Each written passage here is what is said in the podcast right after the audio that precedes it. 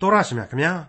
မြစ်ချောင်းအင်းအိုင်တွေသာမက ကြီးမားကျယ်ပြောနေဆိုင်လာတဲ့ပင်လယ်သမုဒ္ဒရာတွေလည်းရေတစ်စက်မှမရှိအောင်တိမ်ကောပျောက်ကွယ်သွားခဲ့ကြပြီးလွင်တီးကောင်ဖြစ်ကိုရောက်ရှိသွားခဲ့ကြတာတွေကဘာပေါ်မှာအထင်အရှားရှိကြပါတယ်။ဘာကြောင့်အဲ့ဒီလိုဖြစ်ရပါသလဲ။စိမ့်လန်းဆူပြေလာတဲ့နေရာဒေသတွေကနေစားမြေဖြစ်သွားကြတာတွေ၆တွေ့ပူပြင်းလှပါတယ်ဆိုတဲ့သဲကန္တာရာထဲမှာ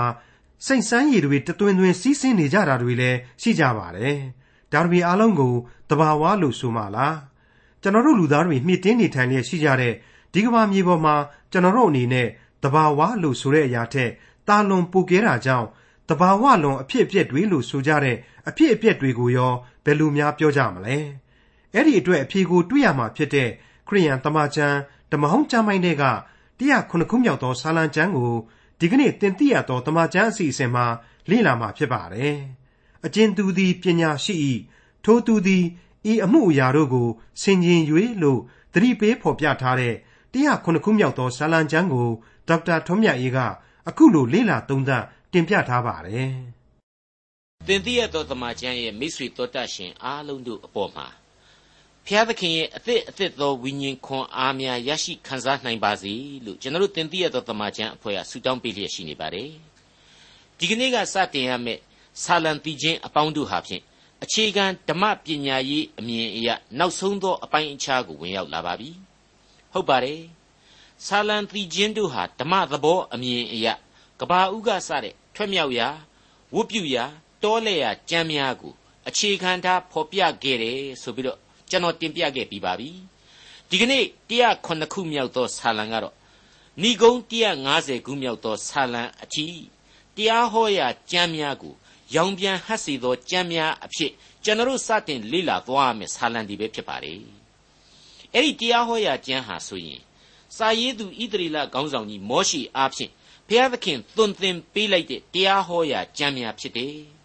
ဂရိတော်အားဖြင့်လူမျိုးတော်တို့ဝင်စားရာခါနန်ကိုဝင်ရောက်ရတော့မယ်အချိန်မောဘလွင်ပြင်းလို့ခေါ်တဲ့အရက်ဒေသမှာ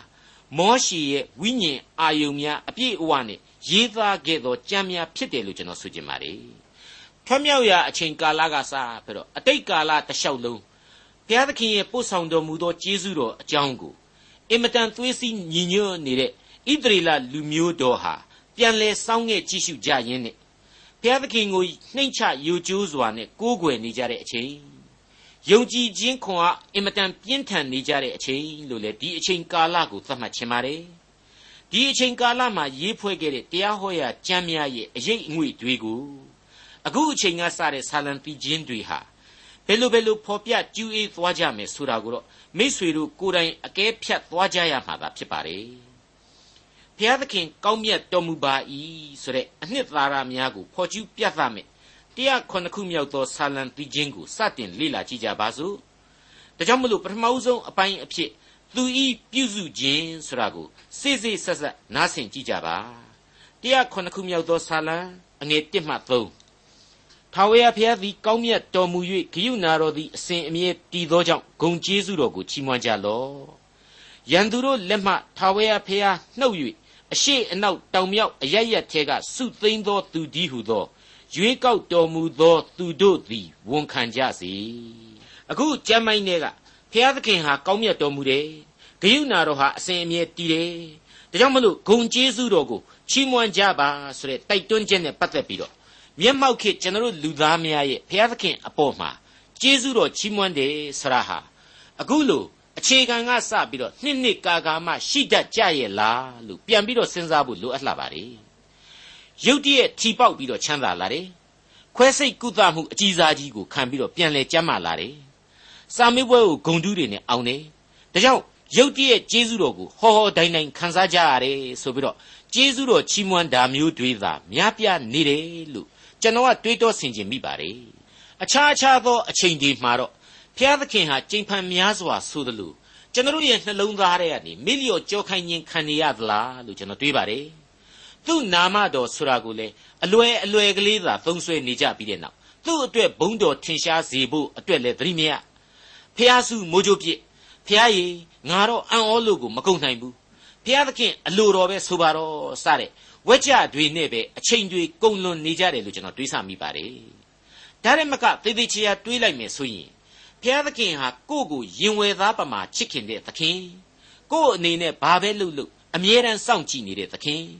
ကိုယ့်ကိုအပြစ်ပေးပိုင်သလိုကယ်တင်ခြင်းကျေးဇူးတော်နဲ့ဘေးလွတ်လုံခြုံစေနိုင်တဲ့သခင်ဆိုတဲ့အချက်တွေကို ကျွန်တော်တို့တွေဟာမိလျော့နေတတ်စမြဲပဲလို့ကျွန်တော်ခန်းစားရပါတယ်။တနည်းအားဖြင့်ကတော့ဘုရားသခင်ကိုကျွန်တော်တို့ကိုးကွယ်တာဟာမျက်လှည့်ဆန်ဆန်ယုံကြည်ခြင်းအားဖြင့်မျက်လှည့်ဆန်ဆန်ပဲကိုးကွယ်နေကြသလားဆိုတာကိုဒီကနေ့ဒီဆာလံတည်ခြင်းအပြင်ပြန်လှန်စဉ်းစားကြရပါလိမ့်မယ်။ဣသရေလလူမျိုးတော်ကိုတရားဟောရာကျမ်းမှာခေါင်းဆောင်ကြီးမောရှိကနေပြီးတော့ဘုရားသခင်ပြုတော်မူသောကျေးဇူးတော်ကိုမင်းတို့မမေ့လျော့ကြပါနဲ့။ မင်းတို့ဘုရားသခင်ရဲ့ဂုဏ်တော်ကိုချီးမွမ်းတည်ခြင်းဆိုကြပါလို့တိုက်တွန်းခဲ့တဲ့အချက်ကိုအခုဆာလံဟာထပ်မံအသက်သွင်းပေးလိုက်ပါတယ်။ဟုတ်ပါတယ်။အရက်လေးမျက်နှာမှာပြန့်နှံ့နေသောလူမျိုးတော်ကိုစုယုံစေတယ်။တိုင်းသစ်ပြည်သစ်ကိုလမ်းညွှန်နေတယ်ဆိုတဲ့ပို့ဆောင်တော်မူခြင်းကျေးဇူးတော်အကြောင်းကိုမောရှိဟာအထူးပြုပြီးတော့ဒီကျေးဇူးတော်ကိုချီးမွမ်းဖို့တိုက်တွန်းလိုက်ပါတယ်တရားခုနှစ်ခုမြောက်သောဆာလံအငယ်၄မှ9 သူတို့သည်တောတွင်လူစိတ်ညံရာအရ၌လဲ၍နေစရာမျိုးသို့ရောက်သောလမ်းကိုမတွေ့ကြဆံငတ်မွတ်သိပ်၍စိတ်ပြက်ကြ၏ဆင်းရဲခံရသောအခါထာဝရဘုရားကိုအော်ဟစ်၍ဆင်းရဲဒုက္ခတွေကဆယ်နှုတ်တော်မူ၏သူတို့နေစရာမြို့သို့ရောက်စီခြင်းဟာဖြောင့်သောလမ်းဖြင့်ပို့ဆောင်တော်မူ၏သူတို့ကိုအရရက်ကနေပြီးတော့ပြန်လဲစုယုံစေတယ်ကျေးဇူးတော်တရားအရက်ကိုလမ်းညွှန်နေ အောင်ပန်းကိုစွတ်ယူစေတယ်ဆရာတွေဟာသူတို့ကတော်လို့တက်လို့လားသူတို့ကလိမ္မာရေးကြရှိလို့လားမျိုးနဲ့ယိုးနဲ့ဘုရားသခင်ရဲ့စကားတော်ကိုနားထောင်ခဲ့ကြလို့လားဆိုပြီးတော့မိကွန်းတွေထုတ်မယ်ဆိုရင်တော့အဖြေအဖြစ်ခေါင်းကိုသာတွင်တွင်ခါရမ်းပြကြရမှာပါဒါပေမဲ့ဖျားသခင်ဟာဒီလူမျိုးတော်အပေါ်မှာသစ္စာတော်တည်ခဲ့တဲ့ဖျားသခင်ဖြစ်တယ်ဂယုဏတော်နဲ့ကြွယ်ဝပြည့်စုံတော်မူတဲ့သခင်ဖြစ်တယ် ဒါကြောင့်မလို့အခုလိုကယ်တင်ခြင်းကျေးဇူးတော်ကိုပြုတော်မူခြင်းပါပဲအဲ့ဒီလိုသူတို့ကိုအပြစ်ဒုစရိုက်တွေကြားတဲ့ကပဲစောင့်ထိန်တော်မူခြင်းပြုတော်မူခဲ့တဲ့သခင်ဟာဒီလူမျိုးတော်ကနေသူ့ကိုမယို့ကျိုးတဲ့အချိန်သူ့စကားကိုနားမထောင်ပဲရှိလာပြန်တဲ့အချိန်သူ့ကိုတော်လှန်တဲ့အချိန်မှာတော့ပေးသနာထားတဲ့ကောင်းကြီးတွေကိုငှက်မွေးများနှုတ်တယ်လို့ပြုတ်ပြုတ်ပြုတ်ပြုတ်နဲ့ဆွဲနှုတ်ပြစ်နိုင်တယ်အရရက်ကစုစည်းစေတယ်လို့အရရက်ကိုပြန်ပြီးတော့ကွဲသွားစေနိုင်တယ် အမွေခံရပြည်ကလွတ်လပ်ခြင်းကိုပြန်ရုပ်သိမ်းပြီးတော့ကျွန်ဘဝကိုပြန်ရောက်စေနိုင်တယ်ဆိုတာကိုလေကျွန်တော်မသိချင်ဟန်ဆောင်ထားလို့မရနိုင်ပါဘူးဟုတ်ပါတယ်အဲ့ဒီတရားဟောရာကျမ်းအခန်းကြီး28အငယ်64မှ68ကိုပြန်ဖတ်ကြည့်ရင်သင်သည်ငါစကားကိုနားမထောင်လျင်ဘာတွေဖြစ်မှာလဲဆိုတာကိုဘုရားသခင်အခုလိုကြိုတင်ဖော်ပြခဲ့ပါတယ်။ထာဝရဘုရားသည်လေမြေကြီးစွန်းတစ်ဖက်မှသည်တစ်ဖက်တိုင်အောင် လူမျိုးအပေါင်းတို့တွင်သင်ကိုအရရက်ကွဲပြားစေတော်မူသဖြင့်သင်နှင့်သင်ဘိုးဘေးတို့မသိဘူးသောအခြားတစ်ပါးသောဖျားတစ်သားဖျားကြောက်ဖျားတို့ကိုဝတ်ပြုရလိမ့်မည်ထိုလူမျိုးတို့တွင်သင်သည်တက်သာခြင်းမရှိရနေရမကြရနှလုံးတုန်လှုပ်ခြင်းမျက်စိမျော်၍အာကုန်ခြင်းဝမ်းနေခြင်းအကြောင်းကိုထာဝရဘုရားစီရင်တော်မူသဖြင့်သင်သည်အသက်ဆုံးလူသည်ဖြစ်၍ နေညမပြတ်စိုးရိမ်လျက်သေဘေးနှင့်လွတ်မည်မလွတ်မည်ကိုမသိဘဲလျက်နေရလိမ့်မည်သင်ဤစိတ်နှလုံးထဲမှကြောက်ရွံ့ရသောအကြောင်းသင်မျက်စိနှင့်မြင်ရသောအရာကြောင့်နတ်နဲ့အချိန်၌သင်ကညရောက်ပါစေဟု၍၎င်းညအချိန်၌နန်နဲ့ရောက်ပါစေဟု၍၎င်းဆုတောင်းရလိမ့်မည်တဲ့အဲ့ဒီလိုပြင်းပြင်းထန်ထန်သတိပေးထားခဲ့တဲ့အတိုင်းပဲဣသရေလလူမျိုးတော်ဟာအကြိမ်ကြိမ်ဘုရားသခင်ရဲ့စကားကိုနားမထောင် ဘုရားသခင်ကိုပုံကန်ခြားနာခဲ့ကြတယ်ဒီအခါမှာတော့အခြားသောနတ်ဘုရားများကိုကိုးကွယ်မိခဲ့တဲ့အထိအဝိဇ္ဇာဖုံးကုန်ကြတယ်အဲ့ဒီအခါမှာလေဒီကြောက်မဲ့ဖွယ်စီရင်ခြင်းအတိုင်းကျွန်ဖြစ်ရတယ်အရရက်ကွဲပြားပြန့်နှံ့ကုန်ခဲ့ရတယ်ဒါပေမဲ့အချိန်တန်လာရင်တော့ဘုရားသခင်ဟာအခုလိုပဲပြန်လဲစုသိမ့်နေဘေးရန်ခတ်သိမ်းကနေပြီးတော့လွတ်ငင်းချမ်းသာစေတယ်ဆိုတာကိုတရားခုနှစ်ခုမြောက်သောဆာလံဟာကွင်းကွင်းကွက်ကွက်ဆိုဖွဲ့လိုက်ပါတယ် အဓိကအချက်ကတော့အဲ့ဒီကယ်တင်ညာလမ်းဟာအလွန်ဖြောင့်တန်းနေတယ်ဆိုတဲ့အချက်ကိုဖော်ပြထားခြင်းပါပဲသူတို့နေစရာမျိုးသို့ရောက်စီခြင်းဟာဖြောင့်သောလမ်းဖြင့်ပို့ဆောင်တော်မူ၏တဲ့ကျေးဇူးတော်ဘလောက်ကြီးတယ်လေအခုဆာလံတီချင်းအရာဖော်ပြချက်တွေကိုသိချဖတ်ကြည့်ပါကျွန်တော်ရဲ့အချိန်ကာလအထိဖြစ်ပြန်ပြက်ပြန်လောကရန်တရားနဲ့အပြိုင်လူမျိုးတော်ခံစားရကျေးဇူးတရားများအဖြစ် မျက်ဝါးထင်ထင်တွေ့မြင်နေရသေးပဲဆိုတာကိုဘယ်သူမှညင်းနိုင်မှာမဟုတ်ပါဘူးအစဉ်အမြဲဖြောင့်တန်းတဲ့ကယ်တင်ခြင်းတရားကိုလူသားတို့ခံစားနိုင်ဖို့အတွက်ဆာလံဆရာထပ်မံဖော်ပြလိုက်တာကတော့တရားခုနှစ်ခုမြောက်သောဆာလံအငယ်၈နဲ့၉လူသားတို့၌ပြုတော်မူသောဂယုဏနှင့်အံ့ပွေသောအမှုတော်တို့ကိုထောက်၍ထာဝရဘုရား၏ဂုဏ်ကျေးဇူးတော်ကိုချီးမွမ်းကြစေအကြောင်းမူကားတောင့်တသောဝိညာဉ်ကိုရောင်ရဲစေ၍ မွတ်သိပ်သောဝိညာဉ်ကိုလည်းကောင်းသောအရာနှင့်ဝစီတော်မူ၏တဲ့ဟုတ်ပါတယ်စောစောပိုင်းကသူ့ပြုစုခြင်းကိုကျွန်တော်တို့တွေ့ကြရပြီးပါပြီအခုအချိန်မှာတော့သူဤခွင့်လွတ်ခြင်းဆိုတာကိုခေါင်းစဉ်ပြောင်းလဲတတ်ဆင်ကြရပါတော့မယ်မိษွေအပေါင်းတို့ခမညာအပြစ်အလျောက်အပြစ်ပေးခြင်းကိုခံရတယ်ဒါမငင်းနိုင်ဘူးဒါပေမဲ့ခွင့်လွတ်ခြင်းကျေးဇူးတော်ကြောင့်ကယ်တင်ခြင်းလမ်းဟာဖြောင့်တန်းစွာနဲ့ပေါ်ထွက်လာရပြန်တယ် ဒါပေမဲ့ခွင့်လွတ်တော်မူခြင်းကိုအပြစ်လူသားဟာတောင့်တောင့်တရရှိဖို့တော့လိုလိမ့်မယ်တနည်းအားဖြင့်တော့နောင်တနှလုံးသားရှိဖို့အထူးပဲလိုတယ်ဆိုတာကိုကျွန်တော်တို့တွေ့လာရပါတယ်တရားခုနှစ်ခုမြောက်သောဆာလံအငယ်30မှ20အထိထိုသူတို့သည်ဘုရားသခင်အမိန့်တော်ကိုညှင်းဆန်၍အမြင့်ဆုံးသောဘုရား၏အကြံတော်ကိုမထီမဲ့မြင်ပြုသောကြောင့်မှောင်မိုက်သေမင်းအရေး၌ထိုင်လျက်ဒုက္ခနှင့်၎င်း တန်ကြိုးနှင့်၎င်းချီနှောင်လျက်နေရကြ၏ဘုရားသခင်သည်အမှုရောက်စေ၍သူတို့စိတ်ကိုနှိမ့်ချတော်မူ၏သူတို့သည်လဲ၍ထောက်မှသောသူမရှိဘဲဆင်းရဲဒုက္ခခံရသောအခါထာဝရဘုရားကိုအော်ဟစ်၍ဆင်းရဲဒုက္ခတွေကကယ်တင်တော်မူ၏ပေါင်မိုက်နှင့်သေခြင်းအရေးထဲကထုတ်ဆောင်၍သူတို့ချီနှောင်ခြင်းကိုဖြေတော်မူ၏လူသားတို့၌ပြုတော်မူသောဂယုဏနှင့်အံ့ဘွယ်သောအမှုတော်တို့ကိုထောက်၍ထာဝရဘုရား၏ဂုဏ်ကျေးဇူးတော်ကိုချီးမွမ်းကြစေ အကြောင်းမူကားကြေးဝတကားတို့ကိုချိုး၍တန်ဂလန့်တို့ကိုအပိုင်းပိုင်းဖြတ်တော်မူ၏မိုက်သောသဘောရှိသောသူတို့သည်လမ်းလွဲ၍ဒုစရိုက်ကိုပြုသောကြောင့်ဆင်းရဲခြင်းနှင့်တွေ့ကြုံရကြ၏စားเสียမျိုးကိုယွန်၍သေခြင်းတကားငါအနီးသို့ရောက်ကြ၏ဆင်းရဲခံရသောအခါထာဝရဘုရားကိုအော်ဟစ်၍ဆင်းရဲဒုက္ခတဲကကယ်တင်တော်မူ၏နှုတ်ကပတ်တော်ကိုလွတ်သဖြင့်သူတို့အနာကိုငြိမ့်စေ၍ ဖြည့်စည်းခြင်းအရာများတဲ့ကနှုတ်ယူတော်မူ၏ကဲဒီနေရာမှာဘာကိုတွေ့လာရလဲဒုက္ခရောက်လိုက်ဆုတောင်းလိုက်ကယ်တင်လိုက်ဆိုတဲ့ကယ်တင်တော်မူခြင်းသဘောတရားကိုဒီအပိုင်းမှာအထက်ထပ်မြင်လာရပြီမိษွေတော်တတ်ရှင်အပေါင်းတို့ခမညာအခုဖတ်ရှုခဲ့ရတဲ့ဆာလံစကပိုက်တွေထဲမှာအဓိကရအကြဆုံးအချက်ကတော့မှောင်မိုက်နှင့်သေမင်းအရေးထဲကထုတ်ဆောင်၍သူတို့၏ချီနှောင်ခြင်းကိုဖြေတော်မူ၏ဆိုတဲ့အချက်ပါ အဲ့ဒီအချက်ဟာလူမျိုးတော်တစ်ခုတည်းနဲ့ပဲဆိုင်တဲ့အချက်မဟုတ်တော့ဘဲနဲ့ကျွန်တော်မိษွေတို့လူသားများအားလုံးအတွက်ဖြေလွတ်ခြင်းကျေးဇူးတော်အပြစ်မှလွတ်မြောက်ခြင်းကျေးဇူးတော်ဆရာကိုကျွန်တော်နားလည်လာရပါတယ်ဒါကြောင့်မလို့ဆာလံဆရာဟာအဲ့ဒီလိုဘုရားသခင်ရဲ့ပြုစုခြင်းခွင့်လွတ်ခြင်းတို့ကိုအဆုံးသတ်ဖော်ပြရမှာအငယ်21အငယ်22တို့နဲ့ညွှန်ကြားလိုက်ပါတယ်လူသားတို့၌ပြုတော်မူသောဂယုဏနှင့်အံ့ဘွယ်သောအမှုတော်တို့ကိုထောက်၍ ထာဝရဘုရား၏ဂုဏ်ကျေးဇူးတော်ကိုချီးမွမ်းကြစေကျေးဇူးတော်ဝန်ခံရာရစ်ကိုပူဇော်၍ရှင်လန်းသောအသံနှင့်တကွအမှုတော်ကိုကြားပြောကြစေတဲ့အဲ့ဒီညွှန်ကြားချက်များပဲဖြစ်ပါတယ်အခုအချိန်မှာတော့တရားခုနှစ်ခုမြောက်သောဆာလံကနေပြီးတော့သူဤစောင့်ထိန်တော်မူခြင်းဆိုတဲ့အချက်ကိုအဓိကထားပြီးတော့ဆက်လက်ဖော်ပြသွားလိုပါတယ်အငယ်23မှ30ကိုနားဆင်ကြည့်ကြပါဦးသင်္ဘောစီးလျက်ပင်လေကိုကူး၍ ရေများပေါ်မှလှုပ်ဆောင်တော်သူတို့သည်နည်းနည်းရအရ၌ထာဝရဘုရား၏အမှုတော်တို့နှင့်အံ့ဘွယ်သော အမှုတော်တို့ကိုမြင်ရကြ၏အမိန်တော်ရှိ၍လေပြင်းမုန်တိုင်းတိုက်သဖြင့်လှိုင်းတဘိုးတို့ကိုထစေ၏မိုးကောင်းကင်တိုင်အောင်တက်လျက်နည်းနည်းရာတဲ့သို့ဆင်းလျက်တွေ့သောဘေးကြောင့်သူတို့သည်စိတ်ပြက်ကြ၏တလဲလဲသွားလျက်ရစ်မှုသောသူကဲ့သို့တင်းရင်လျက်နေ၍ညံတိမ်မြုပ်ခြင်းရှိကြ၏ ဆင်းရဲခံရသောအခါထာဝရဘုရားကိုအော်ဟစ်၍ဆင်းရဲဒုက္ခတွေကထုတ်ဆောင်တော်မူ၏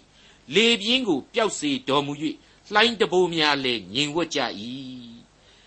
ထိုသို့ငြိမ်ဝတ်သောကြောင့်သူတို့သည်ဝမ်းမြောက်ကြ၏အလိုရှိရာသင်္ဘောစိတ်သို့ပို့ဆောင်တော်မူ၏ဒီအပိုင်းဟာအံ့ဩပွေပင်လေခရီးအဖြစ်မှတ်တမ်းတင်ရမယ့်အပိုင်းပဲဖြစ်ပါတယ်ဓမ္မသမိုင်းရဲ့တောလေရာခရီးမှာလူမျိုးတော်ဣသရေလအဖို့ ပင်လေကိုမဖြတ်ရဘူးတော့မဟုတ်ပါဘူးဖြတ်ခဲ့ရတယ်ဆိုတာကိုကျွန်တော်တို့တွေ့ရပါတယ်ဒါပေမဲ့ဘယ်လိုနီးနဲ့ဖြတ်ခဲ့ရသလဲဆိုတော့အဲ့ဒီပင်လယ်ကြီးကိုနှစ်ချမ်းခွဲပစ်ပြီးတော့အလဲကနေ၆သွေ့ဖြောင်းတန်းတဲ့လမ်းကြီးအတိုင်းခြေလျင်ဖြတ်သန်းခဲ့ကြခြင်းသာဖြစ်ပါတယ်အခုအချိန်မှာတော့ပင်လယ်သမုဒ္ဒရာတဲကိုရေပေါ်မှာသင်္ဘောနဲ့ရွက်လွှင့်သွားလာရတဲ့ဘဝကို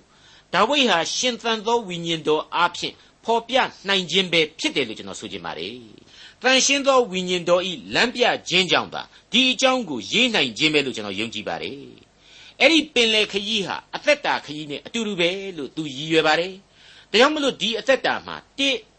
အံပွေသောအမှုတော်တို့ကိုတွေ့မြင်ရတယ်။နှစ်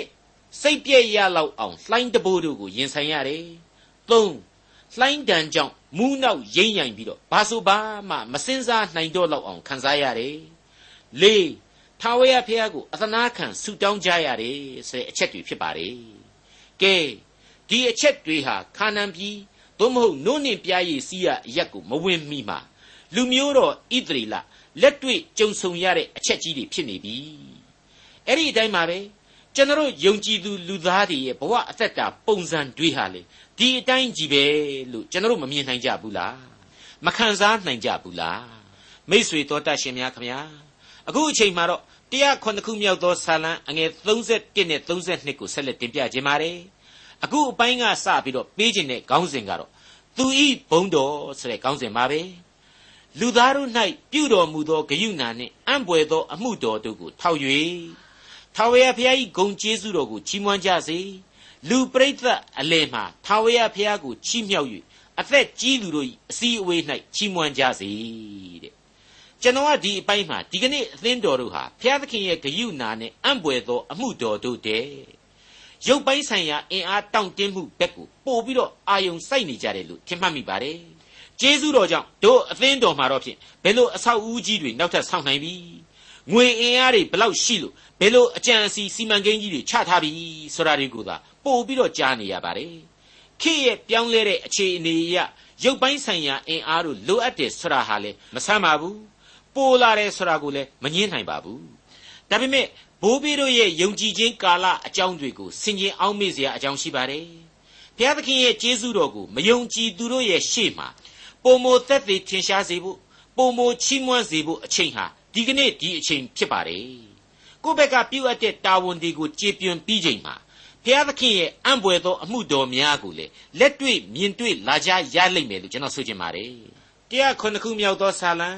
အငယ်33မှ38မြစ်တို့ကိုလွင်ပြင်ဖြစ်စေခြင်းဟာ၎င်းစမ်းရည်ထွက်ရာအရက်ကိုလည်းသွေ့ချောက်စေခြင်းဟာ၎င်းပြုတော်မူ၏မြေကောင်းသောပြည်ကိုပြည်သူပြည်သားတို့၏အပြစ်ကြောင့်စားမည်ဖြစ်စေတော်မူ၏တဖန်လွင်ပြင်ကိုရေနှင့်ပြည့်စေခြင်းဟာ၎င်းသွေးချောက်သောအရက်ကိုလည်းစမ်းရည်ထွက်စေခြင်းဟာ၎င်းပြုတော်မူ၏ထိုအရက်၌လည်းငတ်မွတ်သောသူတို့ကိုနေရာချတော်မူ၍သူတို့သည်မိမိနေစရာဘို့မြို့ကိုတည်ကြ၏ လေလုတ်လျက်စပြည့်ဥယင်ကိုလည်းစိုက်ပျိုးလျက်မြေအသီးအနှံတို့ကိုပြုစုကြ၏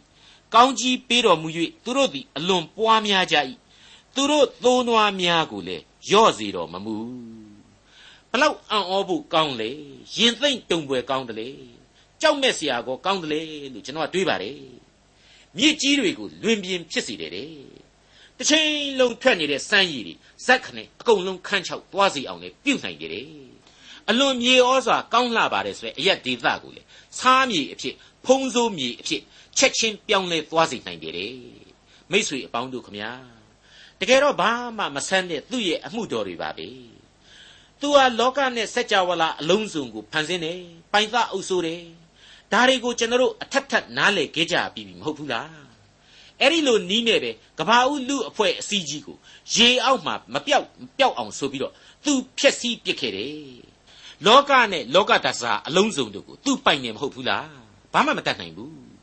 လူမျိုးပေါင်းများစွာတို့ကိုလည်းဖယ်ရှားပြီးတော့လူမျိုးအသစ်တို့ကိုဖြစ်ထွန်းစေခဲ့တယ်ဆိုတာကိုလည်းကျွန်တော်တို့တွေ့ကြရပြီးပါပြီအဲ့ဒီလိုပါပဲ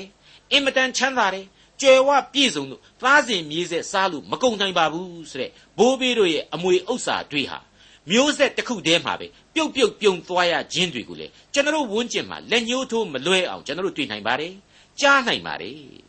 အဲ့ဒီလိုအပေါင်းလက္ခဏာကနေအနှုတ်လက္ခဏာအဖြစ်ရုပ်ချီးပြောင်းလဲသွားရသလိုအနှုတ်လက္ခဏာပြနေရာကနေပြီးတော့အပေါင်းလက္ခဏာဒီရုပ်ချီးဖြစ်ပေါ်လာတာဟာလေဒုနဲ့ဒီပါပဲဒါကိုလည်းအဝေးကြီးပြေးပြီးရှာနေစရာလိုမထင်ပါဘူးဘယ်လို့မှလူအဖွဲ့အစည်းထဲမှာနေရာမရတဲ့မိသားစုနှစ်အနည်းငယ်အတွင်းမှာအသင်းတော်ကိုတိဆောက်နိုင်တဲ့အထိချမ်းသာကြွယ်ဝလာတာကိုမြင်နိုင်သလိုဘဲဥတလုံးတဲကိုမနဲ့စာညစာလင်မယားနှစ်ယောက်ဖွဲဝေစားတော့နေရာကနေပြီးတော့ ကျေးဇူးတော်တွေအရှံပဲခန်းစားလာရလို့တနိုင်ငံလုံးလှည့်ပြီးတော့ကျေးဇူးတော်ကိုချီးမွမ်းနိုင်တဲ့လူမျိုးအကြောင်းကိုလည်းကြားနာရပါတယ်ဒါဟာဘုရားသခင်ပြုတော်မူသောကျေးဇူးတော်တွေပဲမဟုတ်ဘူးလားမဆန်းဘူးကောင်းကြီးပေးတော်မူ၍အလွန်ပွားများကြ၏လို့ဖော်ပြထားတယ်လေကျမ်းတစ်ခုလုံးကိုသေချာပြန်ဖတ်ကြည့်လိုက်တော့ပို့ပြီးတော့ရှင်းတယ်လွင်ပြင်ကိုရေနှင့်ပြည့်စေခြင်းဟာ၎င်းတွေးချောက်သောအရက်ကိုစမ်းရည်ထွက်စေခြင်းဟာ၎င်းပြု၏ ထိုအရက်၌လည်းငတ်မွတ်သောသူတို့ကိုနေရာချ၍မြို့တို့ကိုတည်ထောင်ပေး၏လေလုတ်လျက်စပြည့်ဥယျင်ကိုလည်းစိုက်ပျိုးလျက်မြေအသီးအနှံတို့ကိုပြုစု၏ကောင်းကြီးပေး၍သူတို့သိုးနွားများလည်းရော့စေတော်မမူတဲ့အဲ့ဒီတော့အရေးကြီးတာဟာဘာလဲအဲ့ဒီကောင်းကြီးမင်္ဂလာနဲ့ထိုက်တန်အောင်ကိုကိုကိုပြုပြင်ဖို့ပြင်ဆင်ဖို့အစဉ်သဖြင့်သခင်နှင့်လက်တွဲဖို့သာလျှင်အဓိကဆိုတာဟာရှင်းနေပြီလို့ကျွန်တော်ဆိုချင်ပါတယ် မိษွေတော်တတ်ရှင်အပေါင်းတို့ခမညာအတိတ်ကာလဣသရေလလူအဖွဲ့အစည်းမှာနဖူးတွေဒူးတွေတွေ့ခဲ့ရတဲ့ဘဝတန်တရားဖြစ်စဉ်အပေါင်းတို့ဟာဆာလံတိချင်းများမှတဆင့်ပြန်ပြီးတော့ကျွန်တော်ရဲ့ယင်ထဲမှာပဲ့တင်ထက်မြရှိနေတယ်လို့ကျွန်တော်ဆိုချင်ပါတယ်ဖျားသခင်ရဲ့ကျေးဇူးတော်ကယ်တင်ခြင်းတရားလူသားတို့ရဲ့အားနည်းချက်နဲ့အပြစ်ဒုစရိုက်များစသည်တို့ကိုတူပြိုင်ဖော်ပြရင်းနဲ့ပေါ်ထွက်လာတဲ့ဝိညာဉ်ရေးသင်ခန်းစာအပေါင်းတို့ဟာ မရေမတွက်နိုင်လောက်အောင်ရှိနေတယ်လို့ကျွန်တော်တင်ပြခြင်းပါတယ်ဒီကနေ့ကြားနာရတဲ့109ခုမြောက်သောဆာလံမှာဆာလံဆရာရဲ့ဏိဂုံးချုပ်လိုက်တာကတော့အဲ့ဒီလိုဖြစ်ပျက်ပြုပြင်ခြင်းခံရတဲ့လူဘဝကိုဆင်ခြင်နှလုံးသွင်းနိုင်ဖို့ပဲဖြစ်ပါတယ်109ခုမြောက်သောဆာလံအငယ်36မှ43တဖန်သူတို့သည်ရော့၍ညှင်းဆဲခြင်းညိုညင်ခြင်းစိတ်ပူပန်ခြင်းအပြင်နှိမ့်ချလျက်နေရကြ၏ မင်းသားတို့ကိုအဆက်ခွဲ၍လမ်းမရှိသောတောအရ၌လဲစေတော်မူ၏ဆင်းရဲသောသူတို့ကိုလည်းဒုက္ခမှထမြောက်စေ၍သိုးစုကဲ့သို့အိမ်တောင်ပွားများစေတော်မူ၏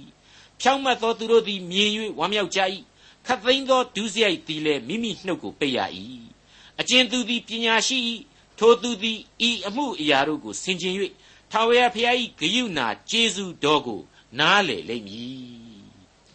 မိษွေအပေါင်းတို့ခမညာ အခုဖော်ပြခဲ့တဲ့အပိုင်းတွေကနေဆိုင်တဲ့ဘုရားသခင်ဝိညာဉ်ရေးသင်ခန်းစာတွေကိုပညာရှိသောသူဟာနားလေလိမ့်မယ်ဆိုတော့ဘာပညာတွေများလဲသိပ္ပံပါရဂူဘွဲ့ရတာတို့မဟာဝိဇ္ဇာဘွဲ့ကြီးရတာတို့မဟာတသနာအတွေ့အခေါ်ပညာကြီးတွေဖြစ်ပေါ်လာတာတို့ကိုများဆိုလိုသလားဆိုပြီးတော့မေးเสียရှိပါတယ်အရှင်းမဟုတ်ပါဘူးထာဝရဘုရားကိုကြောက်ရွံ့ခြင်းသဘောသာလျှင်ပညာဤအချုပ်အခြာဖြစ်ပါတယ်ဒါကိုရှောလမုန်မင်းကြီးဟာ တုတ်တန်ကျမ်းအခန်းကြီး2အငယ်1မှ6အတွင်းမှာဘယ်လိုဖော်ပြထားတယ်ဆိုတာကိုနားဆင်ကြည့်ကြပါငါသာသင်သည်ပညာစကားကိုနားထောင်၍စေရနာစိတ်နှင့်ဉာဏ်ကိုရှာဖွေသည့်တိုင်အောင်ငါစကားကိုနားခံ၍ငါပညာတို့ကိုကိုယ်အထဲ၌သွင်းမိလျင်၎င်းသိပ္ပံအတက်ကိုခေါ်၍ဉာဏ်နောက်သို့အသံကိုလွှင့်လျင်၎င်းငွေကိုရှာရတဲ့ကဲ့သို့ပညာကိုရှာ၍ဖွက်ထားသောဗန္တာကိုစူးစမ်းတတ်တဲ့ကဲ့သို့ဉာဏ်ကိုစူးစမ်းလျင်၎င်း ထာဝရဘုရားကိုကြောက်သောသဘောနှင့်ကျင်လည်၍ဘုရားသခင်ကိုသိသောဉာဏ်နှင့်ပြည့်စုံလိမ့်မည်အကြောင်းမူကားထာဝရဘုရားသည်ပညာကိုပေးတော်မူ၏နားလေနိုင်သောဉာဏ်သည်နှုတ်ကပတ်တော်အားဖြင့်သာဖြစ်တတ်၏တဲ့ဆက်လက်ပြီးတော့သုတ်တန်ကျမ်းအခန်းကြီး၄အငယ်30မှ14အတွင်းမှာရှောလမုန်မင်းကြီးကနေပြီးတော့ပဲပညာတရားရဲ့အကြောင်းကိုအခုလိုဆက်လက်ဖော်ပြထားပါသေးတယ်ငါသာငါစကားကိုနားထောင်နာယူလော့ တို့ပြုလျင်သင့်အသက်နှစ်ပေါင်းများလိမ့်မည်ပညာလန်းကိုငါပြသ၍မှန်သောလမ်းခရီးတို့ကိုသင့်ကိုငါပို့ဆောင်၏ရှောက်သွားလျင်ကျင်းမြောင်းရာသို့မရောက်ပြေးသောအခါတိုက်မိ၍မလဲရဥပရိသကိုကင်ဆွဲလော့မလွတ်နှင့်စောင့်ထားလော့အသက်ရှင်ခြင်းအကြောင်းဖြစ်၏အတ္တမလူတို့လမ်းတဲသို့မဝင်နှင့်ဆိုးရုပ်သောသူတို့နှင့်အတူမလိုက်နှင့်တဲ့မိษွေတော်တတ်ရှင်အပေါင်းတို့ခမညာ ဖြောင့်မတ်သောသူတို့သည်မြင်၍ဝမ်းမြောက်ကြ၏ခတ်သိမ်းသောဒုစရိုက်သည်လည်းမိမိနှုတ်ကိုပိတ်ရ၏အကျဉ်သူသည်ပညာရှိ၏ထိုသူသည်ဤအမှုအရာတို့ကိုဆင်ခြင်၍ထာဝရဘုရား၏ဂိယုဏကျေးဇူးတော်ကိုနားလည်လိမ့်မည်ဆိုတဲ့အတိုင်းပဲဘုရားသခင်ကိုကြောက်ရွံ့သောသဘောအားဖြင့်ပညာရှိသောလူများပြီးပြီဖဖျားသခင်ပြုတော်မူသောကျေးဇူးနဲ့ဂရုနာတော်များကိုနားလေနိုင်ကြပါစေလို့ကျွန်တော်လေးနဲ့စွာဆုတောင်းပေးလိုက်ပါတယ် မြစ်တို့ကိုလွင်ပြင်ဖြစ်စေခြင်းဟာ၎င်းစမ်းရည်ထွက်ရာအရက်ကိုလေသွေ့ချောက်စေခြင်းဟာ၎င်းတတ်နိုင်တော်မူသောဘုရားသခင်မြေကောင်းသောအရက်ကိုလူသားတို့ရဲ့အပြစ်ကြောင့်စားမည်ဖြစ်စေတော်မူနိုင်သောဘုရားသခင်ပြီးတော့မှတဖန်လွင်ပြင်ကိုရေနှင့်ပြည့်စေခြင်းဟာ၎င်းသွေးချောက်သောအရက်ကိုလည်းစမ်းရည်ထွက်စေခြင်းဟာ၎င်းပြုတော်မူနိုင်သောဘုရားသခင်ရဲ့ကျေးဇူးတော်အပေါင်းကိုချီးမွမ်းရင်းနဲ့မိမိတို့ရဲ့ရှင်သာယာအသက်တာကာလတလျှောက်လုံးမှာ အစဉ်သဖြင့်သခင်နှင့်လက်တွဲမဖြုတ်သင့်တဲ့အကြောင်းလေးစားစွာတင်ပြလိုက်ပါရစေဒေါက်တာထွန်းမြတ်ရေးစီစဉ်တင်ဆက်တဲ့တင်ပြတော်တမချန်းအစီအစဉ်ဖြစ်ပါတယ်နောက်တစ်ချိန်အစီအစဉ်မှာခရိယန်တမချန်းဓမ္မဟောင်းကျမ်းပိုင်းမှာပါရှိတဲ့108ခုမြောက်သောဆာလံကျမ်း109ခုမြောက်သောဆာလံကျမ်းနဲ့အခု130မြောက်သောဆာလံကျမ်းတွေကိုလေ့လာမှာဖြစ်တဲ့အတွက်စောင့်မျှော်နားဆင်နိုင်ပါတယ်။